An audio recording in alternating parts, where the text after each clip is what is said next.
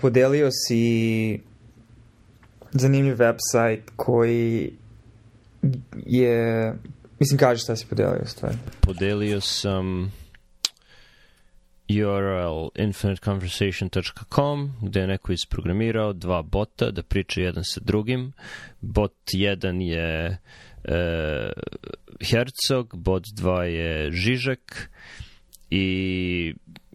oni dele međusobno pasuse teksta, za svaki pasus postoji generisani audio koji je njihov glas, obojice imaju karakterističnu intonaciju i karakteristične naglaske i e, svako ko je bilo ko ču, čuo jednog i drugog da priča može da prepozna i Hercoga i Žižeka kad pričaju. I, i zanimljivo je, da, to, to sam podelio. Da, zanimljivo, ali mislim da se jednom trenutku se zapitao da li su sami samplovi tekstova nešto što su oni stvarno rekli ili su random generisani na osnovu onoga što se vidi objašnjenju sajte, to takođe koristi machine learning jezički model koji generiše tekst u njihovom stilu a, koji se tiče tema filozofije, mislim ne znam koji je njegov input, kaperno koristi GPT-3 ili nešto slično tome, ali sam kaže da ovo nije pravi dijalog i kad kreneš da gledaš između shvatiš da iako zvuči površno kao konverzacija između dve osobe, a, da kad kreneš da analiziraš misli liniju po liniju shvataš da stvari o kojima pričaju nemaju mnogo smisla i kada pokušaš da ih razumeš moj argument je da smisao mi sami ubacujemo u nešto što je relativno naš, gramatički koherentno i u stilu autora, ali nema ideju iza toga, a pogotovo nije deo nikakvog dijaloga. I tu se uopšte ne razlikuje od većine intelektualnih i pseudo-intelektualnih e, razgovora koji mogu da se vide na YouTube-u ili čitaju u časopisima. Pa da, ali to je ono jedno od bojazni um, vezanih za veštačku inteligenciju ne znam da smo se toga dotakli ovde, ali ne da će da ćemo imati novi Skynet koji će da vlada ljudima uh, gvozdenom čisom, nego da će relativno mediokritetni po znacima navoda, mediokritetno po znacima navoda veštačka inteligencija da prođe Turingov test dovoljno za ljude a, da može da ostvari realne posljedice na sveta, da se ispostavi da uopšte nije, mislim da nema, nema svojstva ljudske inteligencije, nego da smo mi ti. I mislim, dobar primjer toga je on inženjer na Google-u koji je, naravno, visoko pristrasan kad si u tom polju, ali mislio da jezički model na kome radi je razvio sobstvenu inteligenciju i na kraju su ga otpustili, ja mislim šta je bilo, ali provuklo se kroz medije ono pre 6-7 meseci. A koje bi to tačno posledice na svet trebalo da os, ostavi mediokritetni AI? A, da ubedimo sebe da postoji stvarno razumno razmišljanje iza toga i onda da se služimo stvarima koje, mislim, neki način već jesmo žrtve toga ako posmatraš algoritme koji su zasvojeni na machine learningu za preporuke ovaj, na neki način već jesmo žrtve toga, ali u smislu recimo sad je bilo Facebookov meta je u Science objavio članak o AI-u koji jako dobro igra diplomacy igru, ne znam da li si vidio to, protutnjalo je pre par dana. Video sam. Koja je kooperativna online igra koja se zasniva na igrama na tabli, ali u isto vreme chatu sa drugim igračima gde imaš element saradnje, ali i element obmane zato što s jedne strane pokušavaš i da proguraš neke svoje ciljeve dok drugim igračima. Uglavnom, ispostavilo se da je model dovoljno dobar da a, pobeđuje u toj igri ljudske igrače, što mislim upitno je čemu to svedoči, ali ako ništa drugo svedoči tome da ljudi lako mogu da budu ako ništa drugo prevareni a, jezičnih modelom i da misle da sa druge strane stoji osoba. A, a pogotovo kada oni mogu da, na, kada ti modeli prave sintaksu koje je jako blizu mislim output koji je jako blizu nečega što izgleda kao konverzacija, ali kad malo bolje zagrebeš je konfabulacija, a hoću kažem pravi rizik u svemu tome ako zamisli kompaniju koja, koja kaže a koristimo se ovim da bismo ne znam, znači bilo šta što treba ti dovede do nečega što će voditi ljudsko ponašanje i samo zato što zvuči kao ljudska osoba ne znači da je ljudska osoba koja daje svoje ekspresno mišljenje, nego jezički model koji konfabulira um, stvarnost. Možda sam previše ciničan, ali kako se to razlikuje od ljudske komunikacije generalno? Uh, što se tiče razgovora, jer većina komunikacije između dvoje nazovi razumnih ljudi je pogrešno razumevanje onoga što je druga osoba htela da kaže, učitavanje smisla tamo gde ga nema, konfabuliranje, to je to je opšte, opšte mesto i, i on, poznato da se, da se dešava stalno. Uh, to je jedno, a drugo što se tiče uticaja, mislim imamo dva inteligentna čoveka, Werner Herzoga i Slavoja Žižeka, koji su ostavili gomile pisanog materijala i video materijala i, i audio materijala i osim uživanja koje ljudi imaju gledajući i slušajući ih, koji su oni uticaj imali na svet. Tako da sa te strane mislim da, da e, čak i ono, razumni ljudi, inteligentni, teško mogu da pomere bilo šta. Mediokritetni AI ne, ne vidim da, da će nešto tu mnogo da se, da se razlikuje od, od od uh, mediokritetnih intelektualaca. To je jedna stvar. A druga stvar je, zanimljivo je, zadrži misao. Ok. To što mi i onako sada e, ne samo da pravimo AI, nego e, i, i u zvaničnom govoru, naročito na Twitteru,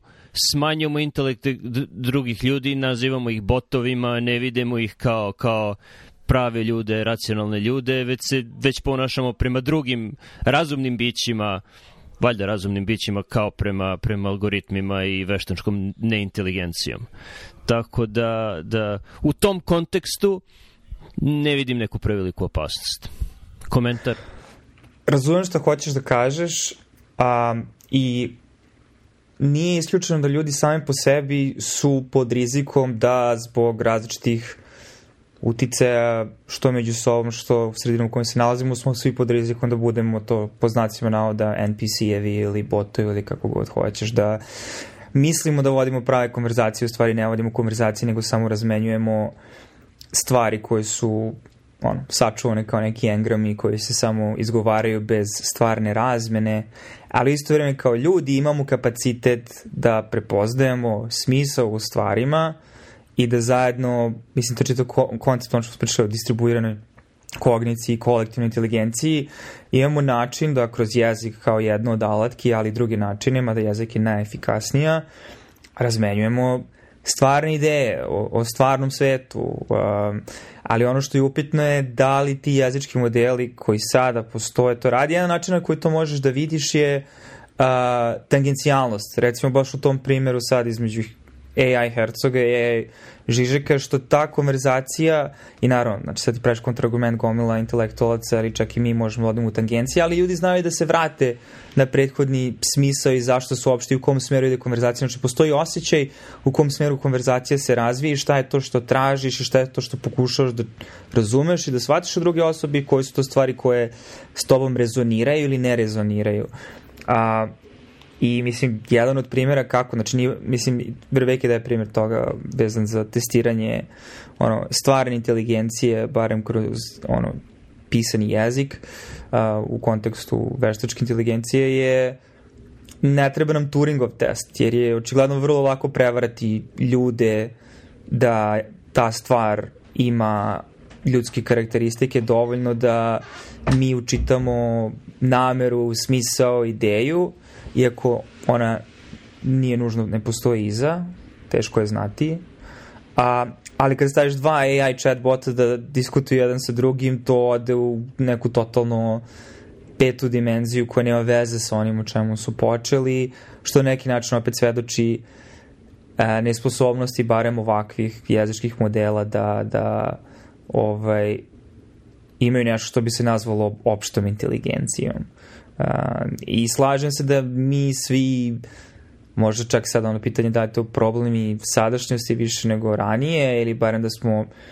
podložni tome više nego ranije s obzirom na količinu informacije koje nam se servira, ali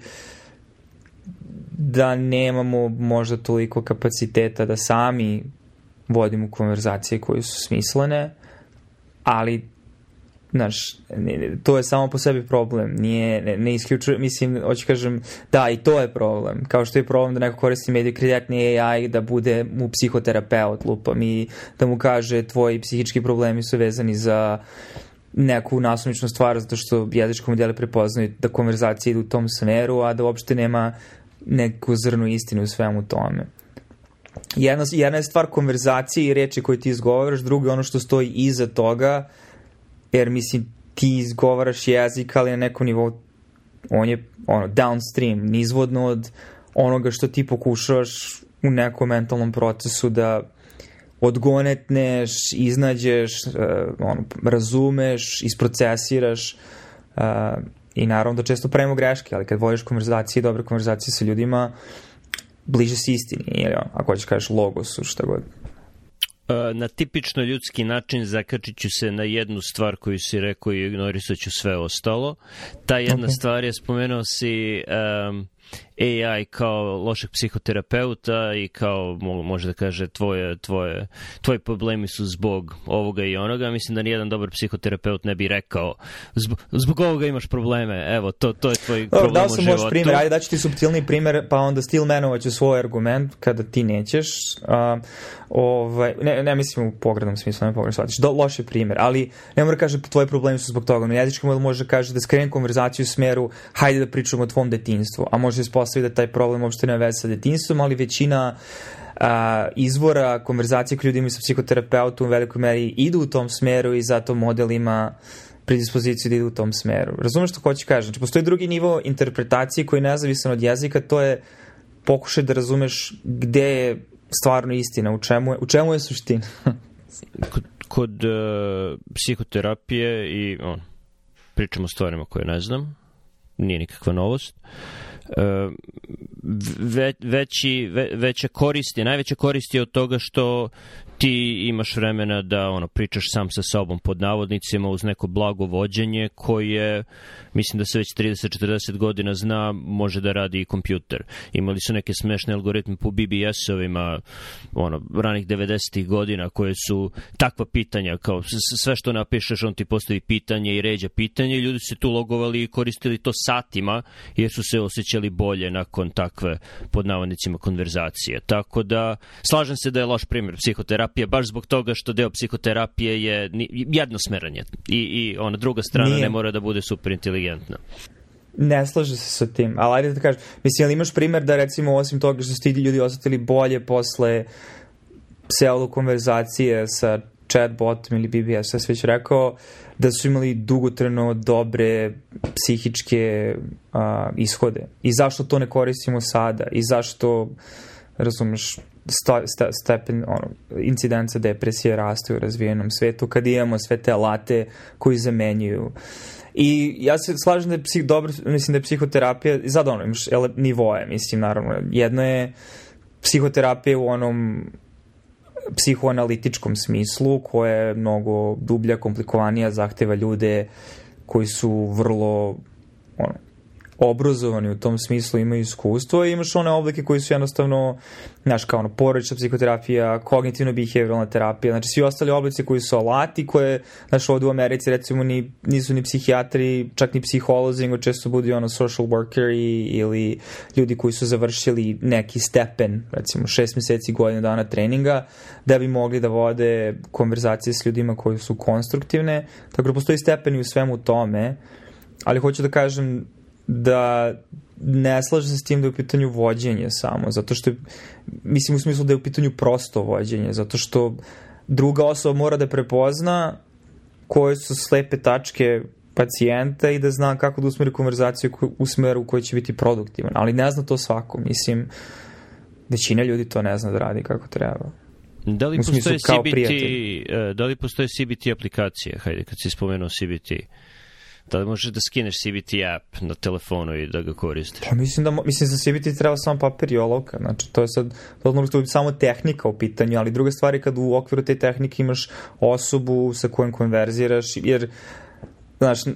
to je isto onaj moment i sad ovo je više faktorijalno, mislim, i ljudi isto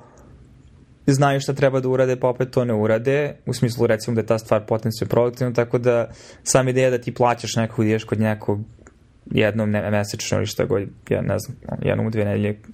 kogod ljudi često idu, ne znači da, mislim, sama ta ideja da ti ideš i plaćaš za to, možete motivisati na uh, to da zaista se posvetiš tome kako treba, ali s druge strane nije isključeno i da sama ta osoba može ti da feedback koji ti može pomoći u kom smeru da. Hoće kažem, problem nije čisto tehničke prirode, čak i na nivou nečega što je relativno ono, opšte poznato i dobro definisano u smislu metodologije kao alata, recimo CVT, već samo korišćenje tog alata je nešto za što ti treba adekvatan feedback i individualni pristup. Jer svako je drugačiji. Ok, da se vratimo na, na razgovor između Žižeka i Hercoga. Ono što čini mi se ti želiš da kažeš je da, ha, vidi se čak i ako ovo površno izgleda kao, kao razgovor između dve osobe koje može da se pratiš, više, više prati neku logiku sna gde ti nešto otprilike ima smisla, a ljudi učitavaju smisla u to i, i, i vide više nego što se tu zaista nalazi. Da, Da. To je dobra karakterizacija mojeg argumenta. Ok, ono što bih ja rekao je da se slažem sa tim, ali da mislim da se to ne razlikuje od većine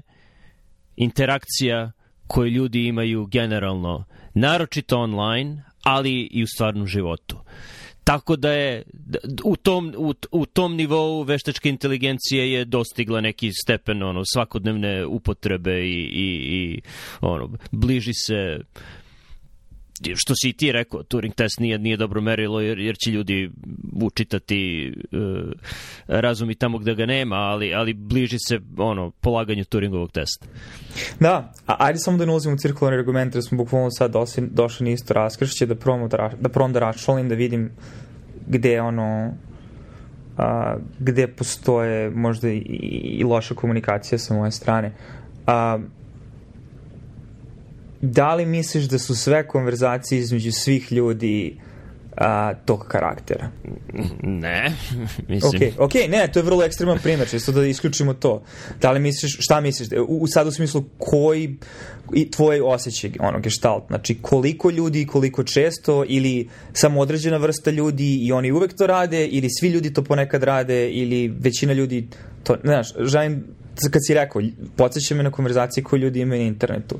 a, da li osoba koja ima tu konverzaciju na internetu stalno tako funkcioniše ili je to jedan od modo razumeš šta hoćete pitati? Mislim da ljudi treba da um, da posvete puno energije, pažnje, koncentracije, fokusa na to da im razgovori ne budu takvi. I mislim da, da možda nekim ljudima prirodno to, ali većini nije i većina, većina razgovora, naročito na internetu, se svede na ono,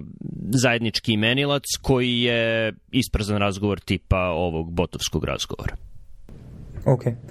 Da li postoje takva konverzacija i van interneta? Pošto internet sam po sebi složit ćeš se modulira to pogotovo na Twitteru gde imaš ograničen broj karaktera, ne moramo da ulazimo u to, da. ali... Mislim, svaka, sva, svaki razgovor gde imaš površnu interakciju dvoje ljudi na nekoj večeri, zabavi, izlasku je, je generalno takva. Re, redko, redko će, a, i obično postoji nešto drugo iza toga da, da razgovor bude dublje. Ali ne samo to, nego, mislim, ok, sad to, možda sad ulazi malo drugi domen toga, ali hoćeš, složit ćeš se opet da svi ljudi imaju kapacitet da imaju normalne, prave konverzacije, u smislu stvari koje nisu samo, kao što si rekao, ponavljanje ono, stvari koje su kako se rekao, fraze, šta si da, rekao? Da, svi ljudi imaju kapacitet uh, za takve razgovore koji se tiču konkretnih stvari. Mislim da nemaju svi ljudi kapacitet da vode uh, razgovore o abstraktnim temama uh, koji su jednako razumni. Da, mislim, održito abstraktne teme podrazumije možda određeni nivo predznanja, i, a i u nekoj meri razumevanje kompleksnosti kada se služimo stvarima koje su, pogotovo stvarima koje su metafore u smislu institucije, grupe ljudi, nacije i tako dalje. Sla, slažem se. A, ok, ali opet, ajde samo, samo taj primjer večere koji se dao mi je zanimljiv zato što u velikoj meri ako si da sa nekim neznancima ili tipa small talk, jer sam ja kao neko koji ono, kao mlađi ima jako mnogo problema sa tim, jer je to uvek bilo nešto što je mene jako smaralo, ali to zato što nisam uvideo vrednost toga i sad želim čujem tvoje mišljenje tema, ali u tome da je to deo društvenog rituala u kojima ti izražavaš određeni nivo blagonaklonosti ili samootvorenosti ili pristojnosti prema drugoj osobi, uh, pe, pe, ono, iskazivanje svesti o prisustvu te osobe u prostoru i na nekom nivou ono, brizi da ta osoba je deo konverzacije. U smislu, nalaziš se nekoj, došli si kod nekoga na rođendan, lupam, ili neko te pozvao i to je potpuno društvo novih ljudi i sad imaš tvog prijatelja koji je tvoj bliski prijatelj, ali ostale ljude ne poznaješ i sad ta bliska osoba je zauzeta nečim drugim i onda imaš totalnog neznanca, gde vas jedina stvar koja vas povezuje taj zajednički prijatelj, koji ne mora, ali isto vreme započne konverzaciju koja je isprva vrlo površna. I često sve konverzacije mere i indikatore statusa nekada mogu da budu i ne toliko prijatni u smislu da ta osoba to radi samo zašto ima potrebu da na neki način sebi iskaže u određenom svetlu drugim ljudima, pogotovo neznancima, ali nekada može da bude samo i način da ispipa ko si, odakle si i neka od tih pitanja su relativno bitne u smislu odakle si, koja je tvoja pozdina koje su tvoje životne iskustva, gde imamo preklapanja, ali onda to samo je kao ono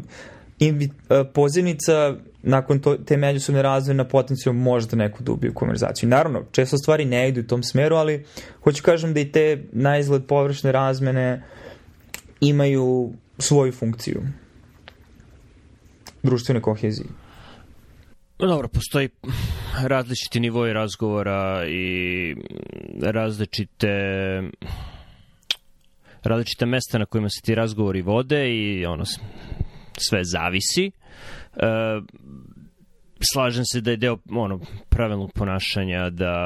saznaš nešto o osobi, ti postavljaš pitanja, oni postavljaju pitanja, ali obično se nekontroverzne teme o konkretnim stvarima koje može da saznaš jedan u drugome presuše nakon pet minuta i onda brzo nakon toga se prelazi ili u diskutovanje o savremenim temama, o vestima, o vremenu,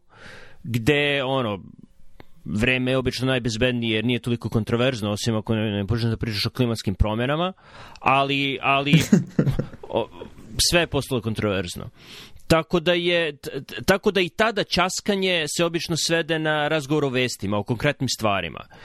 Bilo koji prelazak na abstraktne pojmove zahteva previše vremena i previše znanja o drugoj osobi da se dogovorite, naročito ako si nasumično sreo nekoga, kako znate da koristite isti rečnik? Kako? Mislim, da. ima, ima gomila stvari zbog kojih je to, to nemoguće. I onda je to nije neki razgovor, to je razmena informacija. Mislim, razmena informacija i razgovor nisu isto. Nećeš ti ništa, ni, ne, neće tvoje uh, viđenje sveta da se promeni time što ćeš za 5-10 minuta da saznaš kako se osoba zove, čime se bavi, gde se rodila, gde je studirala, gde sada živi, koliko kiriju plaća i tada. Nije, nije to, i da, ovo su teme o kojima pričaju ljudi u DC-u, tužno je. Uh, nije, nije to, ne, ne znam koliko je to, to, to može bilo koji bot da radi. Ok, isprogramiraš, ovo su tvoji parametri, kad te neko pita ta pitanja, ti daš taj odgovor i postaviš to isto. To je, mislim, elementarni nivo razgovora. Da, ali samo što ti u trenutku imaš izbor na koji način ćeš da predstaviš tu informaciju, a za to ti je potrebno živa osoba pored tebe i ono, poznacio da čitanje sobe. U smislu možeš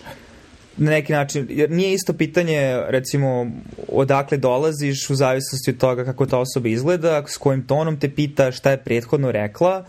i često te konverzacije ne idu u nekim ekstremnim smerovima, ali hoću kažem da nisu potpunosti istovetne. I hoću samo kažem da čitava poenta te razmene na izgled inicijalno površne jeste samo da se uspostavi relativno bezbedni prostor da onda konverzacija može da ode u nekom zanimljivijem smeru. E sad to što ljudi DC-u su često orijentisani ka stvarima koje tebi ili meni nisu zanimljive, to je druga stvar, ali, znaš,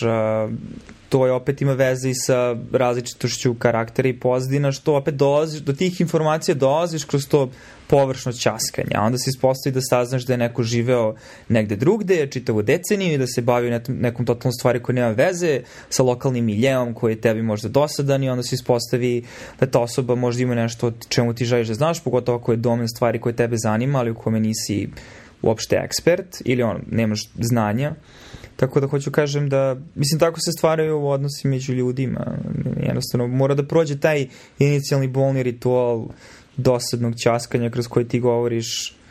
ja nisam pretnja, neću da ti sudim, ne, ne želim da napravim ovu situaciju neprijatnom, zanima me da pričamo dalje. Naravno ti možda kroz to površno časkanje i da se zatvoriš prema toj osobi, da, da on jednostavno i onda da prekineš konverzaciju, ali hoću kažem sa neznancem često je to neophodan deo kao inicijalno nekog sparinga pre nego što uđeš u neke dublje teme. Ali slažu se da većina ljudi možda ne samo, ne znam koliko ono nema kapacitet, nego koliko nema želju ili se plaši da ulazi u, u um, jer dublje konverzacije zahtevaju i ranjivost koju je teže imati kada si sa strancima. I dobro, kad se bereš početnu razmenu informacija, opipavanje terena, mislim da to treba vreme, to je 15-20 minuta. I onda se sa, sa više osoba tako komuniciraš i ve, većina razgovora, većina interakcija koje ljudi imaju su tog tipa. I onda čak i kad dođeš do nivo nekog abstraktnog, abstraktnog razgovora, rekao bih da čak i tu ti može da se nadaš da u 100% slučajeva dolazi do, do ono korisne razmene i da je sve to na, na visokom nivou i da se obe strane razumeju i da vode uh, dijalogos razgovore, kako god, ali ne, ljudi obično pričaju jedni drugima preko glave, i čuju ključnu reč koju neko kaže, u, u, u sebi već smišljaju odgovor na ono što su rekli i, sme, i spremaju novi, novi niz. I, I po tome je identično ovom Žižek Hercog razgovoru, jer pretpostavljam da AI gleda jednu ili dve reči ili frazu ovog prethodnog i od toga generiše svoj odgovor i tako ide ping-pong. Hmm. Pa dobro, ne znam da li je identično, zato što isto vreme dok ti slušaš drugu osobu, recimo, ajde da kažemo da si ono sagovornik koji nije dobar sagovornik i nije dobar slušalac, odlučuje da u tom trenutku to koristi kao odskočnu dasku da bi recimo u nekom trenutku ispričao neku svoju priču. I za, to, za te stvari imamo čak i fraze i u engleskom je ono one-upovanje ili kako god, gde neko ispriča neku anegdotu koja neki način treba prikačati tu osobu u, u svetlu da je to ona inteligentna, humoristična, šta god, desilo nam se nešto čudno, priče su zanimljive i druga osoba umesto da bude dobro slušala i da neki način primi to i da neki način validira i ne mora to se bude ne znam šta, ali ako ta osoba odmah ulazi u e, a da, ali znaš, to nije ništa. Ono što se meni desilo je pet puta zanimljivije, opasnije, čudnije, neverovatnije.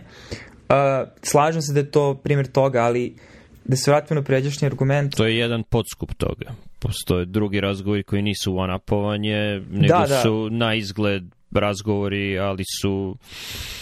više ovo što sam opisao, Žiža Herca. Da. Da, da, da, slažem se, ali hoću kažem to, da se vratim na argument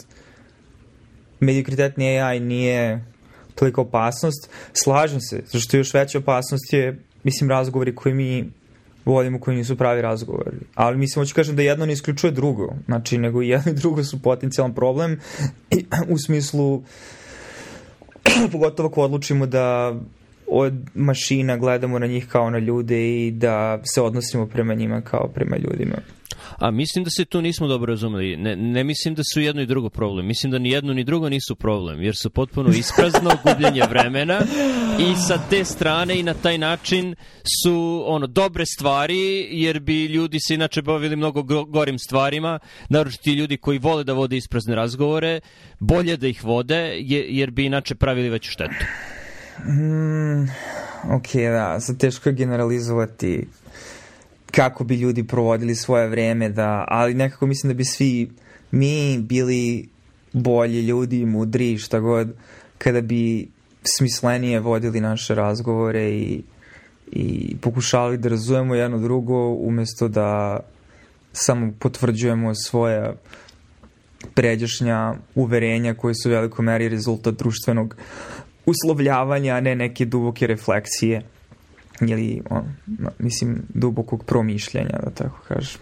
Da, i ako neko želi da smrša, treba manje da jede. Sve ne, jednostavno, prosto, samo, samo pre... Tako, ako želimo da, da vodimo bolje živote, treba samo da budemo fokusirani prilikom razgovora. To je jednostavna, jednostavna stvar. Zašto svi to ne rade? Nisam rekao da je jednostavna stvar, nego sam da jako, mislim u smislu, ja slažem se da je jako komplikovana stvar, ali da bi, moj argument je da svi imamo donekle kapacitet za to i da bismo bili u boljem društvu koje je manje materialističko i orijentisano ka stvarima koje Znaš, mislim, i, i ti razgovori su često ono poprimaju karakter toga gde se svodi da je u pitanju igra statusa koji, koji direktno zavisi od instance koju si postigao profesionalno i količine novca koju si, pogotovo u ovom društvu, koji si ispod stekao da bi sebi i svoj porodici priuštio znake tog statusa, da li to bilo vozilo, kuća na određenoj lokaciji i tako dalje. Um, ali to ne znači da su svi ti sagovornici tim pre što gube vreme na sve to srećniji ili vode smislenije živote. Hoće kažem, možeš istveno da budeš i, i žrtva i saučesnik. Um, ne, ne bih tako brzo donosio zaključak da bi bilo bolje kada bismo svi tako pričali. Uh, jedina rezerva koju imam tu je što da si me pre 20 godina, 25 godina pitao, zar ne bi bilo dobro da smo svi povezani i da je instant komunikacija moguća između svakoga i da svako može da ono pošalje poruku nekoj poznatoj ličnosti, nepoznatoj ličnosti, šefu, podređenom, kome god. I to je nešto što, ono, na prvi pogled, ne znam da sada verovatno znaš na šta, na šta aludiram i, i možda je teško da se prevaciš u način razmišljanja od pre 20 godina, ali, ono, delovalo je kao, pa da, naravno, dobro je, treba što veća otvorenost, što veća povezanost, super stvar. I onda ispadne da imaš eksternalitete koji nisu toliko očigledni na prvi pogled, ali o kojima sada možemo da pričamo i, i sada je jasno kada se taj eksperiment izveo, vidi se koji su problemi sa, sa masovnom povezanošću. Tako da se pitam, kada bismo sada svima dali, gledali smo Planet of the Apes juče, da, tako da su je puno majmuna uzelo serum od kojih je, koji su postali pametniji, uh, koji je inače neka genska terapija koja se daje preko gasa. Zanimljiv je film. U svakom slučaju, kada bi sada neko pustio gas u atmosferu od koga bi svako bio pametniji, fokusirani i svako bi vozio, vodio um, takve produktivne i, i intelektualno stimulativne razgovore, da, da li bismo neto bili bili da li bi to neto bio bolji ili ili gori svet ne ne ne bih mogao ne, sada nisam tako naivan da kažem pa da naravno treba treba svi tako da žive mislim bio bih rezervisan prema tome. Ajde samo možda se ja ne bi, ne bi koristio iste epitete koje si koristio u smislu pametniji, fokusirani i šta si rekao treće, kad bi svi bili pametniji, fokusirani i vodili smislenije razgovore ili visoko intelektualne razgovore. Ne, ne, ne mislim da, da, da bilo šta od toga, mislim, kada bi vodili razumnije razgovore koji mislim i stvari koje, znači, ako gledaš na dihotomiju, ja znam da smo imali problem oko definicije ovde ranije, ali između pameta i mudrosti, ne pametnije razgovore, nego mudrije razgovore. Ok, I, okay. A, I kada bismo sad, vodili mudrije razgovore, ne bih bio siguran da bismo bili na dobitku. To, razumem, ali to je sad argument, prvo sam da kažem, da razjasnim svoju stranu, a da kažem zašto mislim da biti oprezniji kao u razgovoru, što je odlika, znači, ono, smislenijeg razgovora, oprez u smislu posvećivanje stvarne pažnje drugoj osobi a, sa sobom nosi, mislim, civilizacijsku istoriju. Znači, da je to karakteristika u smislu imamo istorijske dokaze da su društva praktikovala te stvari kroz ovaj, vekove i da je to bio jedan od aspekata koji se cenio i poštovao, tako da nije nova stvar da se trudiš da budeš mudri, samo su možda malo zaboravili u, u našem a, opet, ja imam problem zašto je moj framing, samo možda shvatiš, a, mislim da ih shvataš, jako pod uticajem, ono, krize propozicionalne tiranije i, i, i ovaj, krize smisla i vezanosti za kartezijanski apsolutno metrički pristup stvarnosti koji dovodi do ono modalne konfuzije gde materializujemo sve i sve mora da se broji i sve postane igra brojanja, a da ono što gubimo u svemu tome su participatorni aspekt formiranja odnosa među ljudi i davanje smisla stvarima kroz naš odnos sa tim stvarima. Gde neke stvari tretiramo i sa poštovanjem ili ih tretiramo čak po znaciju navoda kao svete, mada je to ono loaded term zato što ima veliku hrišćansku konotaciju ili u smislu ali i ti to radiš kroz svoj svakodnevni život, samo možda nemaš rečnik za to ili, ili imaš neki svoj unutrašnji rečnik, ali ne, pri, ne pričaju ljudi o tome, ni s drugim, ali recimo ti tretiraš svoje radno vreme kao na neki način svetu, u smislu, ok, postoje male pauze, ali neću sad u sred radnog dana da uzmem i da sedem da pričam s nekim pola sata nevezano za posao, nego kad završim s poslom, ću da završim s poslom, mislim,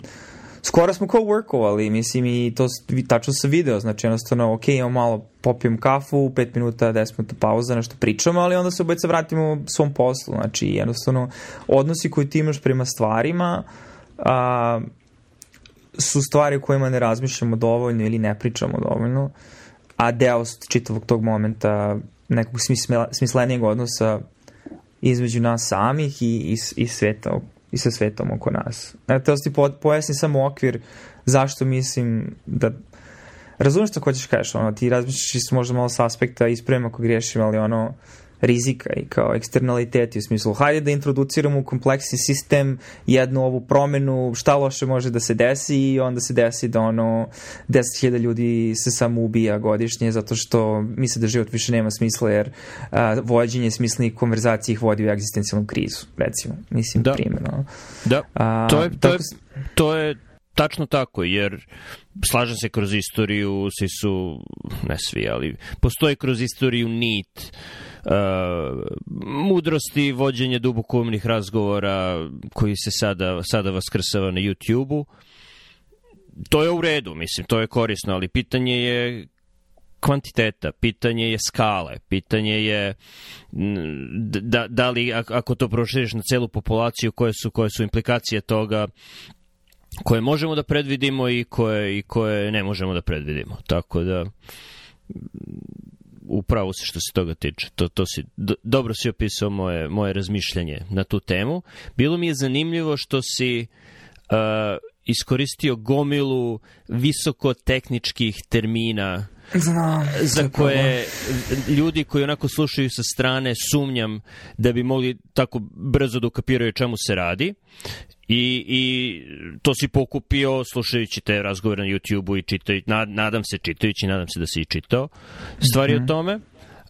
ali, ali to je deo onoga o čemu ti kažem, o čemu ti pričam kod, kod vođenja razgovora i, i, i ti si meni dao tu gomilu tehničkih termina i ja sam otprilike razumeo o kojoj oblasti pričaš i, i e, koje, koji referentni sistem koristiš, ali nisam dok si pričao imao vremena da raščlanim šta si tačno mislio pod kojom reči, jer to nisu generalno reči koje koristim svakodnevno i, i nisu mi ono u generalnoj upotrebi. I, I to je, a mi se koliko dugo znamo i koliko, dugo pri, koliko dobro znamo i koliko dugo pričamo i opet imamo problem oko tehničkih termina. I naravno, slažem se, imali, imali bismo kvalitetni razgovor kada bi i ja imao na vrh jezika sve te reči i kada bih tačno znao šta misliš pod svakom reči koju si iskoristio, ali to nije slučaj, a možeš da zamisliš kad sa nekim sedneš na, na večeri rođendanu u gradu i početi da pričate, mislim, ne bi ti zavalio šamačino ako kreneš da pričaš o kartezijanskim vrednostima i, i materializmu i, i kvantifikaciji, ali mislim, nisam siguran da bi taj razgovor dobro prošao. Ok, ali mi nismo chatbotovi koji egzistiraju u vakumu, mi smo dve osobe koje upravo pričaju sada i moja odluka da podelimo ovo sa tobom uh, ne bi to isto radio sa svakom nasumičnom osobom Znači, i, i drugo, meni je drago što si ti rekao sada to što si rekao, u smislu, e, ali kao sve ovo što si rekao ja ne razumem, ja sam rekao, ok, ja, ja sam teo da postavim okvir, ali onda to otvara sada puteve u konverzacije gde možemo da razmenjujemo i da rašlanjujemo sve te stvari jednu po jednu, koji kad ja tebe pitam, mislim, tvoje stvari sa Rurija i šta znači, mislim, ono, uh, znači, eksternaliteti, mislim, tail, tail rizici i uh, svi, svi ostali stručni tehnički termini koji mogu, kada krenu krenu polako da se rašlanjuju, da se objasne na nivou abstraktnih pojmova koji pripadaju rečniku koji obojica imamo zajedničkim i onda ti možeš meni da približiš tu ideju i to sad postane deo mog pogleda na svet. Tako da, mislim, hoću kažem na meta nivou, bukvalno si neki način daješ pojentu zašto su dobri razgovori gde možeš da iskreno iskažeš nerazumevanje u, nekim aspektima i drugo, ti meni činiš boljim sagovornikom jer onda ja samo kritički ok, možda ne bi trebalo da stavljam toliko stvari kojima ni ja ne baratam toliko dobro pre nego što ih stvarno dobro razumem. Ok, prihvatam tvoju poslednju poentu da sam tebe učinio boljim sagovornikom. Ali uh, ono što bih rekao tu je da ako se složimo da nemamo iste referentne sisteme i da meni treba malo vremena da uđem dublje u materiju ili tebe treba malo vremena da uđeš dublje u drugu materiju, da li možemo da se složimo da bi onda najbolje bilo da ono, sedneš, ako te interesuje, pročitaš i uđeš dublje u materiju pisanom rečiju koji je najbolji način za prenos informacija, a ne da ti trošiš svoje vreme objašnjavajući neke elementarne stvari, mada i ja preuzimam rizik da mi ti pogrešno objasniš neku elementarnu stvar sa kojom ni ti nisi načisto skroz, umesto da, umesto da ono, ja, ja sebi bolje približi materiju na način na koji mi je to najlakše i onda da se vratimo temi kad, kad uh, baratamo istim terminima. Pa i da i ne, zato što mislim na neki način čitanje primarne literature je opet razgovor sa autorom koji u velikoj meri zavisi od toga da li ti prepoznaješ referencije kojima se taj autor služi u tom trenutku. Tako da, a, mislim, a, da, i kad mi prođe borac hoću opet da pročitamo nešto kao, znači, jednu celu knjigu nečiju i onda da diskutujemo o tome. Um, ali to ne sprečava onda razmenu i raščanjivanje ideje, jer opet svi imamo mi kapacitet za razum, uh, svi imamo kapacitet za uviđanje nečega što ima smisla i nečega što je konzistentno ili nečega što nije konzistentno ili nečega što ono, znači ono da škripi i onda možda postojiš pitanje i onda utičeš na mene da ja sam stvari kroz koje mislim da sam promislio ili ih pogledao ili shvatio, stekao neki uvid, ih ponovo rašlanim i onda ih preklopim, ponovo sklopim i, i to dalje obogaćuje moj uvid u određenu stvar, ali um, sve, mislim, da, tekst, tekst je primarni izvor uvek i, mislim, i neizbežan je neki način najefikasniji, ali sa druge strane,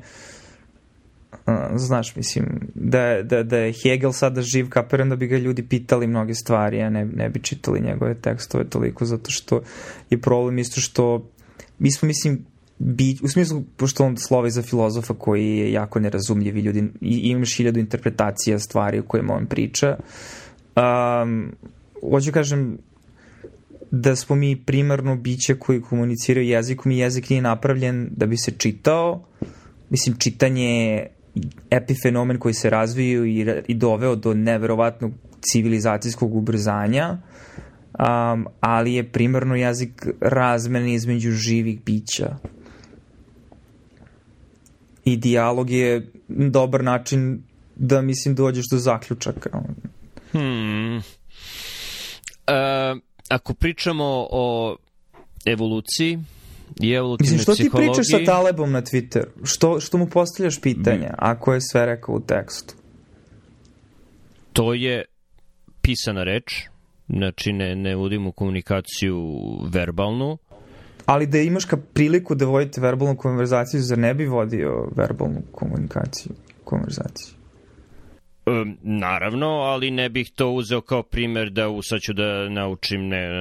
nešto puno stvari o, o... Mislim da je to generalno neefikasan način uh, preuzimanja informacija. Ne, neefikasan način da saznaš stvari o svetu. Mislim da je komunikacija, dijalog, da su sjaj, sjajni i nezamenjivi kad treba da se donese neka odluka. Znači, tokom odlučivanja to je mnogo bolje od, od pisanja, bilo koji sastanak uživo naročito, ali čak i online sastanak je bolji od neprestane razmene mailova. Tako da kod donošenja odluka, da, verbalna komunikacija je nezamenjiva. Kod razmene informacija, kod razvoja mišljenja, mislim da je pisanje mnogo bolje. Mislim da te verbalna komunikacija vodi na stramputice, da i preveliki rizik pogrešnog razumevanja gde gubiš minute i minute, ako ne sate i sate ili godine života zato što si pogrešno razumeo nešto što si čuo ili je tebe neko pogrešno razumeo kad si nešto rekao. To je ogroman rizik. I mislim da su ljudi previše podložni nečim verbalnim veštinama, intonaciji, naglašavanju, načinu na koji priča, rečniku kojim brzo mogu da, da, da kažu ono što su hteli, što, što, što su ono ver, verbalni ob, obdareni i to ih ljudi bolje slušaju i lepše da ih slušaju. I tako možeš da, da ono dođeš u, u, u do, dolaziš u rizik da te zavede neki demagog i, i da, i da to, to, je, to je preveliki rizik dok pisana reč, kad, kada neko napiše nešto, možeš mnogo bolje da pratiš nečiju nit razmišljanja, možeš mnogo bolje da pratiš argumente, možeš sebi da daš mnogo više vremena da razumeš to i onda je najbolja stvar da bi video da li si to razumeo, probaj ti da napišeš. Ne da kažeš, ne da misliš o tome, nego da napišeš, da staviš na papir svoje razmišljenje o tome. I mislim da je to pravi test razumevanja abstraktnih pojmova. Tako da je za mene odlučivanje verbalno, razmišljanje pisanjem. Ok, a, mislim, ne, ne poričem ili nije da se ne slažem, mislim, slažem se sa idejom da je pisana komu, pisani oblik komunikacije mnogo efikasniji a, za razmenu informacija. Sa druge strane, nije isključeno da ćeš ti potpasti pod I, i slažem se da je veliki problem u verbalnoj komunikaciji ono, sofizam, mislim, u smislu